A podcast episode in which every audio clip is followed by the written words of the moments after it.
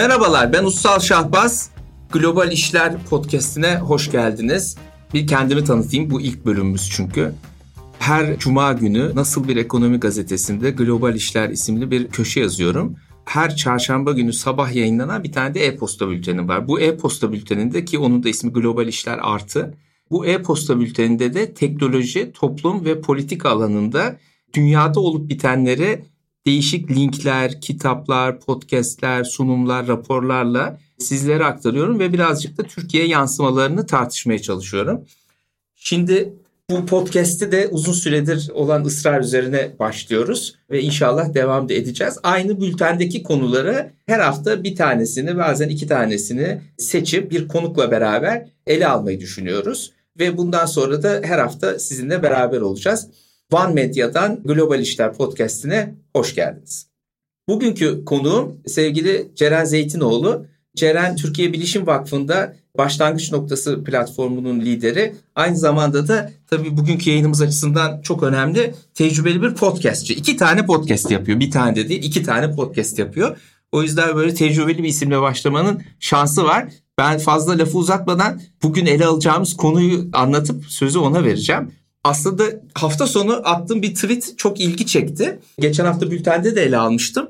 JP Morgan'ın satın aldığı bir startup Amerika'da tamamen yalan dolan olmayan kullanıcılardan oluştu. Ortaya çıktı. JP Morgan startup'ın kurucusunu dava etti ve bizim bültende uzun süredir ele aldığımız bir dizi startup dolandırıcılığına bir tanesi daha eklenmiş oldu. Hatırladığım dolandırıcılıklar, büyük olaylar şunlar. Bir tanesi Adam Newman'ın WeWork olayı ki SoftBank'ten 10 milyar dolardan fazla yatırım aldı. Neredeyse tamamını batırdı. Hiçbir şey de olmadı. Dava falan da açılmadı. İsterseniz dizisini de izleyebilirsiniz Apple TV'de. FTX tabii ki çok yakında olan bir olay. Sam Bankman-Fried'in kripto dolandırıcılığı. O da yaklaşık 10 milyar dolar belki daha fazla kullanıcı varlığını aldı gitti. Ne olduğu bilinmiyor. Şimdi dava sürüyor ev hapsinde.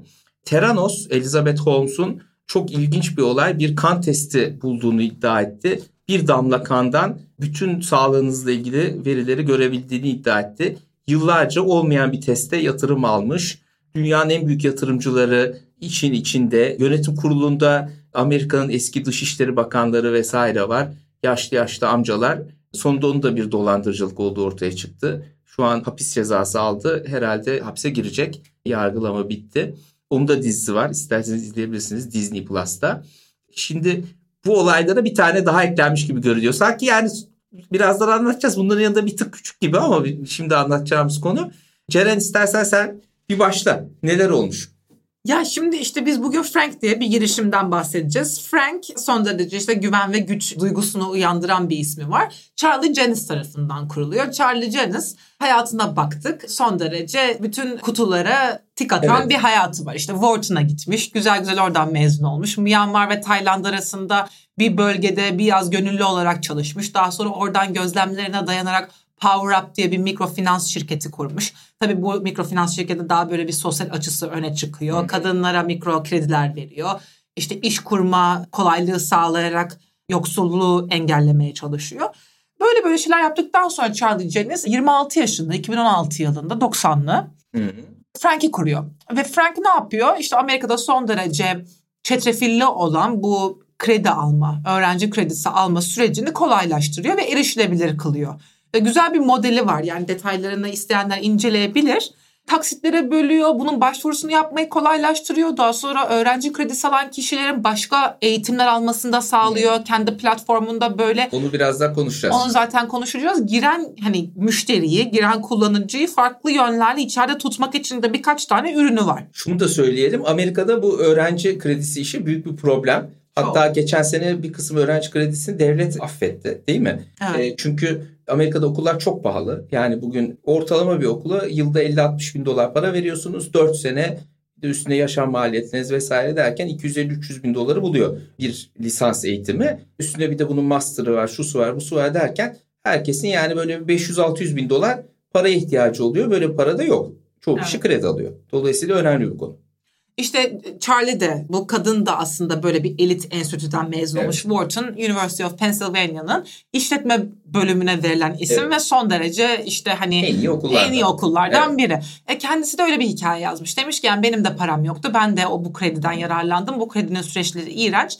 Daha sonra Wharton'a sormuşlar. Bunu bir kere bu... bir bak burada bir, bir bayrak kaldırmak gerekiyor. Aynı hatırlarsan Elizabeth Holmes'un da dayısı kanserden mi ölmüştü? Neydi vaktiyle test yapamamışlar. Halbuki bu benim testim olsaydı kurtulurdu. Eğer bir girişimcinin girişiminde kendi hikayesinden bir parça bir iz düşüm varsa orada bir dolandırıcılık olma ihtimali yüksek gibi gelmeye başladı. Yani işte bunu konuşacağız ama zaten girişimciler işe değil girişimciye yatırım yapmak istiyorlar. Yani Yatırımcılar. Pers- evet, pardon, evet. Yatırımcı girişimciye değil. Şimdi bunu da bir konuşacağız. Konuşalım hatta. Çok genç, güzel bir kadın değil mi? Ve dediğin gibi hayat öyküsünde o yatırımcıların gözüne girmesi gereken şeyleri yapmış. Çok iyi bir okulu bitirmiş. Gitmiş işte fakir ülkelerde çalışmış. Orada bir sosyal girişim kurmuş. Gelmiş sonra Amerika'da kendisi para kazanmaya yönelik bir girişim kurmuş. Güzel bir amacı var. Bütün hikaye tutuyor. Kendi hayatında bir iz düşümü var bunun. Ve sen ondan sonra yatırımcı olarak geliyorsun. Diyorsun ki ben işe değil aslında girişimci yatırım yapıyorum. Çünkü bu kız bu işi yapar. Bu işi yapmasa başka işi yapar. Buradan bir iş çıkar diyorsun. Bunu demişler. Sonra ne olmuş? Sonrasını bir anlat. Sonra bu dedikleri ne kadar doğru bir analizmiş göreceğiz. Ya işte Series A tamamlıyor. Evet. Kız gayet güzel tamamlıyor. Alef'ten yatırım alıyor. Chegg'den yatırım alıyor. Reach Capital'dan arıyor. Gingerbread'den alıyor. Bunların hepsi Amerika'da daha çok işte East Coast'ta Hı. bilinen VC'ler. Daha sonra galiba Series B'de oluyor bu. İçeride 300 bin kullanıcısı var. 300 bin aslında kötü bir market penetrasyonu değil. Yani 300 bin tane aktif kullanıcı var. Ama diyor ki ben 300 bine 175 milyon doları güvenceye alamam. 4,5 milyon kullanıcım olması lazım içeride. Bu aslında girişimcilerin sayı takıntısını, sayı manyaklığını da ortaya koyan bir şey. E 4,5 milyon tane ben kullanıcıyı nasıl içeri alacağım? İlk önce bir takımına soruyor. İşte Chief Technical Officer'ına soruyor. Diyor ki sen bu işi yapar mısın diyor. Yani e, veriyi girer misin? Adam yapmam diyor istifa ediyor. Daha sonra bu gidiyor kendini New York'ta yaşayan bir veri bilimci profesörü buluyor. Adama diyor ki ben sana veriyi vereceğim. Sen bu veriyi manuel olarak girer misin? Bu da kabul ediyor. 18 bin dolara anlaşıyorlar. 18 bin dolar. Evet adama diyor ki profesöre 18 bin dolara sen bu işi yapar mısın? Yaparım diyor. El sıkışıyorlar ayrılıyorlar. Daha sonra gidiyor ACL diye bir tane bir platform var. ACL Market. ACL'da öğrenci verisi satıyor. İşte kime satıyor? Kırtasiye işleri satanlara, işte öğrenciler için e, ürünler geliştirenlere, belki software şirketlerine falan filan. Yani öğrencilere ulaşmak istiyorum. Bana bunların işte e-maili, şusu busu gibi şeyleri verir misin? Aynen tamam. öyle. Onlara da 105 bin dolar veriyor. 105 bin dolara 4,5 milyon tane insanın ismini, soy ismini, e-mailini, telefonunu artık ne gerekiyorsa çekiyor orada. Bu veriyi de bu profesörümüze veriyor. Profesör de bunu içeri giriyor. giriyor. Şimdi aslında bu 4,5 milyon tane kullanıcı yani teknik olarak var. var. Prensip olarak Ama içeride var. Yok. Haberleri yok sadece. Ama yani aslında burada Charlie'nin yaptığı şey ne? 130-135 bin dolarlık bir yatırımla yani cebinden çıkan bu parayla 175 milyon dolarlık bir yatırımı güvenceye alıyor. Evet. Bu aslında... Onu da JP Morgan Onu da JP yapıyor, Morgan'dan sonra da şirketi alıyor. satın alıyor. Aynen öyle. Şirketi satın alıyorlar. Kızı tutuyorlar içeride bu evet. ara. Kızı ve galiba böyle growth... Ekibinden birileri ekibinden tutuyorlar. birilerini tutuyorlar. Kız da böyle aşırı afilli açıklamalar yapıyor. Hayatım ilk defa biri için çalışacağım falan diyor. Hikaye de burada birazcık bitiyor. Sonra ne yapıyorlar? Sonra JP Morgan tabii ki de kullanıcılara mail atıyor. Evet. Değil mi? 4,5 milyon insanın bu nerede olduğunu, nasıl bir nasıl bir şekilde bu toplulukta, komünitede olduğunu anlamak için mail atıyor. Ve sadece yüzde birinden cevap alıyor. Ve diyor ki burada bir şey var yani ne var? Araştırıyorlar, bakınıyorlar, soruyorlar, soruşturuyorlar ve anlıyorlar ki sadece 300 bin tane insan Gerçekten. orada aktif kullanıcı. Diğerleri sadece bir nod yani bir isim ve bir soy isim. Peki sonra da dava ediyorlar kızı. Evet. Burada bir biraz geri saralım. JP Morgan birincisi bu yatırımını yaparken anlaşılan o ki şirketi yeteri kadar incelememiş değil mi? Due diligence diyoruz biz buna. Yani bu kullanıcılar nereden geldi? Siz bunları nasıl buraya yüklediniz? Nasıl onboard ettiniz? Bu adamların buradaki rolü ne? Ne aldılar? Ne verdiler? Buna hiç bakmamışlar. Bu senenin başına kadar bütün dünyada son 14 yıldır 2008'den beri faizler çok düşüktü. Ortalıkta çok fazla para vardı ve bu para hep gidecek yerler arıyordu. En çok gittiği yerlerden biri de teknoloji şirketleri oldu. Böyle yatırım fırsatları geldiği zaman yatırımcılara karşı girişimciler diyor ki bak kapıda bekleyen daha 10 tane daha yatırımcı var. Sen JP Morgan'sın diye seni çağırdım. Yoksa bir sonrakini çağırırım. Fazla da bakacak bir şey yok. Ya evet deyin ya hayır deyin. İşimize bakalım diyorlar. Yatırımcılar da korkuyorlar. Aa gerçekten arkada şu arkadaşlar da var. Onları bir de böyle kapıda falan da karşılaşıyorlar bazen. Biz fazla bir inceleme yapmayalım. Zamanda kaybetmeyelim. Para yatıralım. Zaten çok paramız var. Evet. Çünkü para akıyor. Değil mi? Para basıyor sürekli devletler. Öyle olunca tabii bu aslında ahlaki çöküntüye biraz Evet. zemin hazırlıyor. Orada kullanıcı var mı yok mu hiç bakmamışlar. Birinci mesele bu. Yani aslında senin ifade ettiğin gibi yani 2008 yılına kadar sarılabilir bu hikaye. Bir tekno optimizm döneminden geçtik biz. İşte bu veri hakimiyeti Evet. meselelerinin Evet. iç yüzünün anlaşılmadığı, herkesin teknoloji şirketlerinde çözümü bulduğu, paranın en iyi orada değerlendirilebileceğine dair bir inancın geliştiği bir 10-15 senelik bir süreç yaşadık. Daha sonra bence Cambridge Analytica skandalıyla beraber bu yavaş yavaş etkisini kaybetmeye Doğru. başladı. Charlie Jennings de 2015-2016 yıllarında aslında bu dalgayı bu dalgadan yararlanıyor. Bu, bu dalgayı Çok yakaladı. Yani rüzgarı arkasına almış. Zaten kadın girişimci dediğin gibi bütün hikayedeki bütün elementler Tutuyor. onu tutuyor. Peki burada sana bir şey sorayım. Az önce Theranos'tan da bahsettik. Elizabeth Holmes o da çok karakteristik bir kadın girişimci. Böyle mavi gözlü işte. Steve Jobs turtleneck gibi e, turtleneck kazaklar vesaire. Bu Charlie de gene genç bir kadın girişimci. Şimdi kadın olunca bu işte nasıl bir hikaye oluyor? Yani tesadüf mü bu kadar kadın girişimcinin bu dosyalarda ortaya çıkması? Çünkü baktığın zaman teknoloji dünyasında çok az kadın var. Belki Silikon Vadisi'nde de Türkiye'de de hani şöyle bir girişimci popülasyonuna baktığın zaman yüzde ondur Evet. kadınlar. Çoğunluğu erkek. Nasıl bu kadınlıkla bu işin kesişimi? Ya tabii ben bunu daha hani prensip ve değer bazlı değil de gözlem bazlı Hı bir şekilde yanıtlayacağım. Şimdi girişimcilerin ve genel olarak işte JP Morgan'ın boardunda oturan insanların Hı. işte 60 yaş üstü beyaz erkek, Erkek. genellikle olarak bekledikleri bir kadın bu arada lider. Türkiye'deki herhangi bir bankanın bordu da böyle. Tabii canım yani. E, bekledikleri bir kadın lider profili var. Değil mi? Şimdi o masada işte o odada olmasını bekledikleri bir enerji var. Bir kadın enerjisi var. İşte bu belli okullara gitmiş. Belli bir dünya görüşünü ortaya koyan, girdiği her türlü ortamda ilgi çeken ve bir şekilde o ilgiyi sürdürmeyi de başaran yani ilgiyi belki görünüşüyle ve karizmasıyla çekiyordur ama zekasıyla sürdürüyordur. Tabii. Biraz öyle profillere ihtiyaç olduğu için büyük bir ilgi de var. Doğru. Ve öyle olunca zaten işte bu Theranos'un kurucusu da yani farkındaysan mesela çok böyle college dropout kadın, Kadın girişimci Eğitimlerini tamamlamış sonra bir miktar kariyerde yapmış. Yani profil o. evet ve böyle çok fazla hani şey nasıl söylesem farklı bir tarzı da olmaz bu kadın Doğru. liderlerin. Genelde hep böyle bir etik bir açı ortaya koymaya Doğru. çalışırlar. Bir hikaye ortaya koymaya çalışırlar. Çok çalışmak, iyi çalışmak, iyi takım yönetmek bunlar hep öne çıkan özelliklerdir. Charlie de bunların hepsini yapıyor zaten. Ha bu arada Charlie'nin tek dolandırıcılığı 4,5 milyon tane olmayan insanı içeri almak değil. Mesela diyor ki platformda Frank'te siz bu platformu kullanırsanız ben size ucuza yani böyle 500 dolara 700 dolara çok iyi üniversite dersleri sunacağım diyor. Üniversiteleri de listeliyor. İşte mesela Florida'daki Kaiser University'yi koyuyor. Sonra bu süreçte bu JP Morgan'ın soruşturma sürecinde gidiyorlar bu üniversitelere soruyorlar. Siz burada var mısınız? Nasıl bir anlaşma var diye.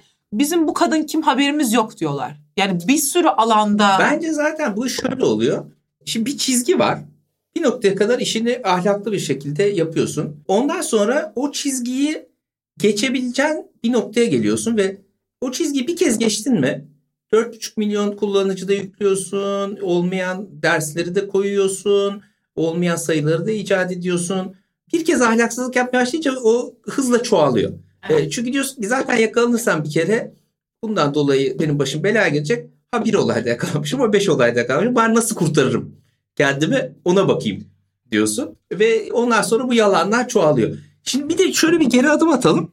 Kadın girişimci olmanın bir enteresan yönü var dedik. Niye? Çünkü o bir sosyal hikaye yaratıyor. Senin de söylediğin gibi. Nerede sosyal hikaye yaratıyor? İşte bu yatırımları yapan erkekler bunlar bir bankanın yönetim kurulu olabilir. Daha önce iş yapmış bir işte melek yatırımcı olabilir. Bir fon olabilir. Bunlar genelde hep erkeklerden oluşuyor. E bunlar da işte iş adamları vesaire gittikleri zaman işte bir tiyatroya gidiyor, operaya gidiyor, golf oynamaya, tenis oynamaya gidiyor. Orada kendi diğer erkek arkadaşları onun muhabbetini yapıyor. Biz de işte şöyle bir girişimi destekledik. Kadın girişimci, öğrencilere kredi veriyor. Sosyal amacı büyük. böyle sadece bunu bir finansal yatırım gibi değil de aynı zamanda bir sosyalizasyon aracı ve bir hikaye olarak satıyor. Böyle bir değer ortaya çıkıyor. Bu da işi aslında birazcık böyle tehlikeli hale getiriyor. Ya şimdi sen kendin de düşün. JP Morgan'ın boardundasın. 65 yaşındasın. Hikaye senin için bitmiş. Tamam mı? Evet. Anlatacak bir şeyin yok artık. E çok param var. Ekonomik olarak bir değerim var. En büyük isteğin ne olur? Bu ekonomik değeri sosyal bir değere dönüştürüp bir legacy bırakmak, Doğru. bir hikaye bırakmak Doğru. arkanda. O, o hikayeyle ne yapacaksın? İşte gideceksin senin, senin dediğin gibi operada anlatacaksın, golf kulübünde anlatacaksın. Arkadaşını anlatacaksın. O da sana diyecek ki ne güzel sen günümüzü yakalamışsın. Birazcık da bize anlat evet. diyecek. Biraz biz de yapalım diyecek. Biraz biz de yapalım diyecek. Onu öğle yemeği yiyeceksin. İki tane üç tane fikir vereceksin. Sonra birazcık daha böyle o network'te güçlü bir hub haline Doğru. geleceksin. Bütün mesele burada aslında bu yatırımcılar için, JP Morgan için o ekonomik kapitali dediğim gibi sosyal kapitali çevirmek. çevirmek. Halbuki aslında yatırımcılık sıkıcı bir iş. Yani yatırımcılık dediğin iş o şirket para kazanıyor mu? İleride daha çok kazanacak mı? Nasıl kazanabilir? Burada bir potansiyel var mı? İçerideki sayılar doğru mu? Hesapları bir inceleyelim. E, Bilgi işlem kayıtlarını bir inceleyelim. Bunlar doğru mu? Gibi çok sıkıcı, rutin, biraz Matematik hammallı işi. olan bir matematik işi. Ama bunu bir sosyal işe çevirmeye çalıştığın zaman böyle sorunlarla karşılaşıyoruz. Bence bir tane daha mesele var. Bunu çok gördük yıllar boyunca. Ya arkadaş şimdi şirket niye kurulur? Bizim öğrendiğimiz işte okuldayken falan şirketten para kazanmak için kurulur değil mi? Yani ticaret yaparsınız, alırsın, satarsın, bir ürün yaparsın, onu satarsın. Sonuçta para kazanırsın. Ama bu paranın çok bol olduğu dönemde faizler düşükken, para akarken dediler ki efendim para kazanmaya gerek yok aslında. Şirketlerin amacı büyümektir. Zaten paramızı girişim sermayesi fonları, yatırımcılar bize veriyor. Biz kullanıcı kazanmaya bakalım. Kullanıcı kazanmak da ne demek? E işte böyle uydurarak da kazanabilirsiniz. Gerçekten de kazanabilirsiniz ama şirketin bir şeyi yok. Cirosu, karı yok. Nedir bunun güzel örneği? İşte WhatsApp milyarlarca dolara Facebook'a satıldı. Hiç karı yoktu. Hiç para kazanmıyordu ama bir sürü kullanıcısı vardı. Instagram 1 milyar dolara satıldı. Bir sürü kullanıcısı vardı. 1 dolar para kazanmıyordu. Buradan yani bunun işte fintech'te de var, sağlıkta da var, e-ticarette de var. Bir sürü örneği var.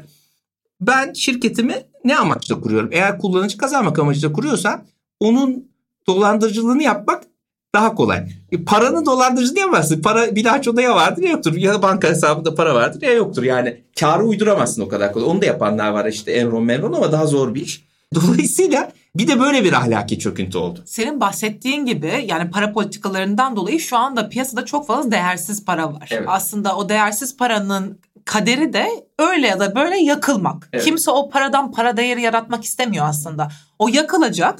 İşte senin dediğin gibi ya kullanıcı bazlı ya data bazlı ya market penetrasyonu bazlı bir değer yaratılacak. Daha sonra o değeri büyük bir şirket gelecek kendi imkanlarıyla, kendi takımıyla daha ayakları yere basan. Girişimci gidecek. Aynen öyle. Hep hikaye buydu. Yani aslında Charlie için şu an bir sorun yok. Evet. Ben bunu söylemek istiyorum. Yani Charlie ne yapmış? Charlie yapması gereken her şeyi yapmış. Şirketini kurmuş. Şirketini öyle ya da böyle bir paraya, çok iyi bir paraya JP Morgan'a satmış. Ve JP Morgan şu anda diyor ki Charlie'ye sen beni dolandırdın. Ama aslında Charlie JP Morgan'ı dolandırmadı. JP Morgan aslında işini iyi yapmamış değil mi? Yani Hiçbir evet, tabii ki. yapmamışlar. Bir öyle tabii yani Charlie Tabii dava ne olacak göreceğiz. Evet. Charlie'nin de yaptığı bazı dolandırıcılıklar var gibi geliyor bana Ya. burada ama hikayenin iki tane yönü var. Öyle diyelim. Var mi? ama şimdi Charlie aslında e, dijital kimliklerin ne kadar kırılgan ve güvenilmez olduğunu Doğru. ortaya koyuyor. Şimdi o 4,5 milyon insan içeride var mı? Var. Ama haberleri yok. Evet. İşte tabii bunu çözmek için çeşitli fikirler var şimdi. Blockchain'in bu kimlik meselesini, veri hakimiyeti meselesini çözebileceği hayal ediliyor. Olup olmayacağını göreceğiz. Ama ben şunu demek istiyorum yani Charlie için şu anda hayatının girişimcilik dünyasındaki ilk chapter'ının süreci tamamlandı. Tamam lan. Bir iki sene kaybolur, geri gelir başka bir iş yapar. Adam Newman da geri geldi biliyor musun? Yeni Yok. bir iş kurdu. İşin ne olduğu belli değil. Bu sefer de eski işi ofisleri ortaklaştırmaktı. Şimdi e- evleri ortaklaştıracakmış. Bu kaç yüz milyon dolar yatırım aldı. Evet. Ama ortada bir iş yok. Bakalım. Şimdi tekrar bu yatırımcı meselesine dönelim. Senin ifade ettiğin gibi yani o yatırımcı için aslında o matematiksel iş değil önemli olan. O işin getirdiği bazı Sosyal, kazanımlar. kazanımlar. evet. Şimdi yatırımcı bir insan niye yatırımcı olmak ister? Tamam parasını birini iki yapsın, ikisini on yapsın. Çok güzel hikaye bu. Ama bir de yani sen bir yere gidip de ben yatırımcıyım dersen herkesin sana verecek 15 dakikası vardır. Hmm.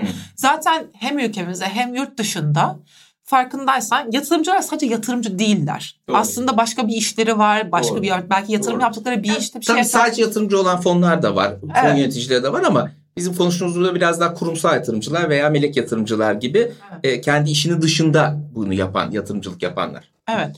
Yani bunda bunun da bir araç olduğunu Doğru. unutmamak gerekiyor. E, Charlie de bu aracı araçsallaştırmış. Yani aslında bu tamamen piyasanın kültürü ve regüle edilememesiyle ilgili Doğru. bir şey. Bu İngilizceden çevirince bir şeye benzemiyor ama hızlı git ve bir şeyleri kır mantalitesi var ya. Evet. Bu mantalitenin zaten yavaş yavaş popülarite kaybettiğini de görüyoruz. Bence e, Çünkü hızlı gidince bir yerlere tosluyorsun aynı zamanda. Bu evet. tosladığın yer bazen bir kamu kurumu oluyor, bir kanun kural oluyor. Bazen işte kullanıcılarının verisi çalınıyor, şu oluyor, bu oluyor, güvenlik tedbirlerini almamış oluyorsun. Bazen de şu geçtiğimiz senenin en büyük toslaması birdenbire finansal ortam değişiyor. Ne oluyor? Merkez bankaları artık biz o kadar para basmayacağız, faizleri yükselteceğiz diyor. O zaman o akan para durunca birdenbire senin büyümen de duruyor. Ben artık para kazanmadan kullanıcı kazanamayacağım diyorsun. Bütün hikaye bozuluyor. Şimdi istersen birazcık da bunun gelecekte olabilecek etkilerini de konuşalım. Bazı iş modelleri var ki mesela hızlı süpermarket, e-scooter. Bunların kısa vadede ve büyük bir ihtimalle orta ve uzun vadede de para kazanmaları mümkün değil ya da çok zor. Deneyip göreceğiz. Niye? Hızlı süpermarket. 5 sene önce süpermarkete gidip raftan kendin alıp naylon torbaya koyup kolunda evine çıkardığın şeyleri birisi alıyor motosikletle senin evine getiriyor. Aşağı yukarı aynı parayı alıyorsun. Hatta bazen daha ucuz alıyorsun. Çünkü bir sürü de kullanıcı kazanmak için indirim kampanyası yapıyorlar. Şimdi burada bir mantıksızlık var değil mi? Yani zaten süpermarketlerde anormal paralar kazanmıyor. Marjları o kadar yüksek değil. Demek ki bir yerde bir para kazanamama durumu var. Bu da ancak yatırımcılar para verdiği sürece devam edebilecek bir iş. Edebilecek mi göreceğiz vermedikleri ortamda. Scooter'ı da bir ele alalım. O da ilginç bir iş. Ben bunu incelemiştim de. Ya bütün scooter'lar dünyada Çin'de yapılıyor. Ve dolarla satılıyor. Scooter'ın bir maliyeti var ve scooter şey değil. Böyle bir sermaye yatırımı diye bakmak doğru değil. Çünkü işte bir senede falan zaten kullanılmaz hale geliyor. Yağmur, çamur işte millet kötü kullanıyor, kırıyor, döküyor. Bu scooter'ları sen kiraya veriyorsun değil mi? İşte şu kadar gidersen bu kadar dakika kullanırsan bu kadar TL parası var. Bir kere zaten dolarla aldığın şeyi TL ile satıyorsun. Bir kur riski alıyorsun. İkincisi bütün maliyeti önden ödüyorsun. Ondan sonra kurtarmaya çalışıyorsun. Bir giriş engeli yok pazara. Ve ne kadar kullanırsa kullansın ölç biç günde böyle 20 kere falan binilmiyorsa ki binilmiyor. Zaten sokağa çıktığında her yerde skuterların boş durduğunu görüyorsun. O skuterın maliyetini senin karşılaman mümkün değil.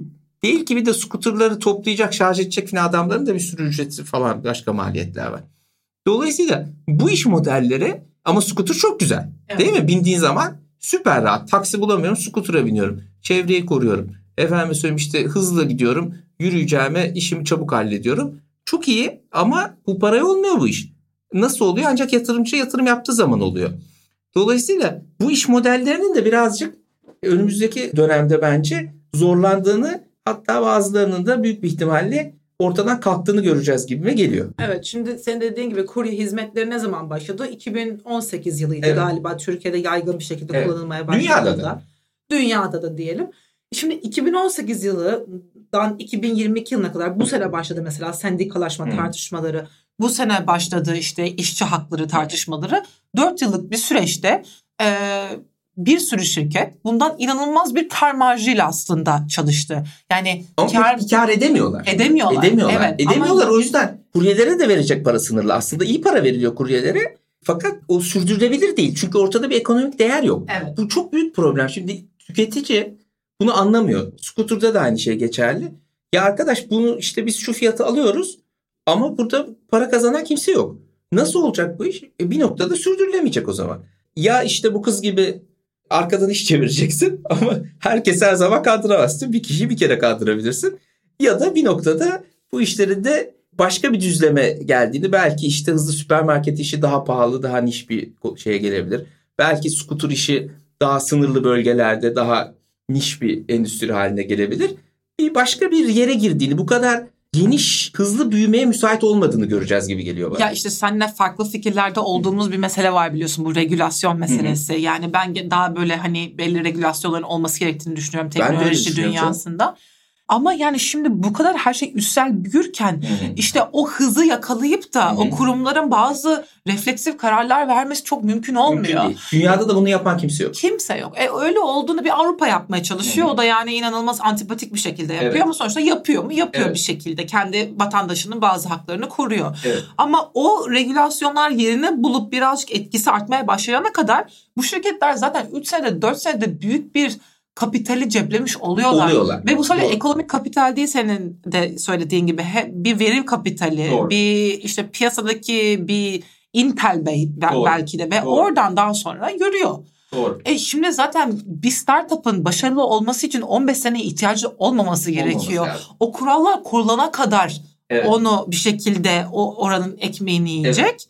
Daha sonra da oradan gidecek. Dolayısıyla aslında şunu görüyoruz. Böylece de bence yavaş yavaş bitirelim. Teknolojinin gelişimi ve startupların gelişimiyle kurumsal yapının gelişimi arasında bir fark var. Fark. Ee, kurumsal yapıdan kastımız sadece kanunlar, kurallar değil. JP Morgan'ın yönetim kurulu üyelerinin kafa yapıları da buna dahil.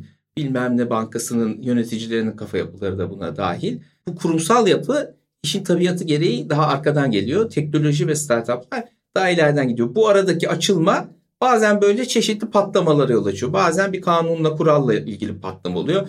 Bazen işte bu kız gibi dolandırıcılar ortaya çıkıyor. Kimse anlamıyor ne yaptığını. Bazen başka bir kavga ortaya çıkıyor. Bu kavgaları aslında görmeye devam, Devam edeceğiz. Konuşmaya da devam edeceğiz.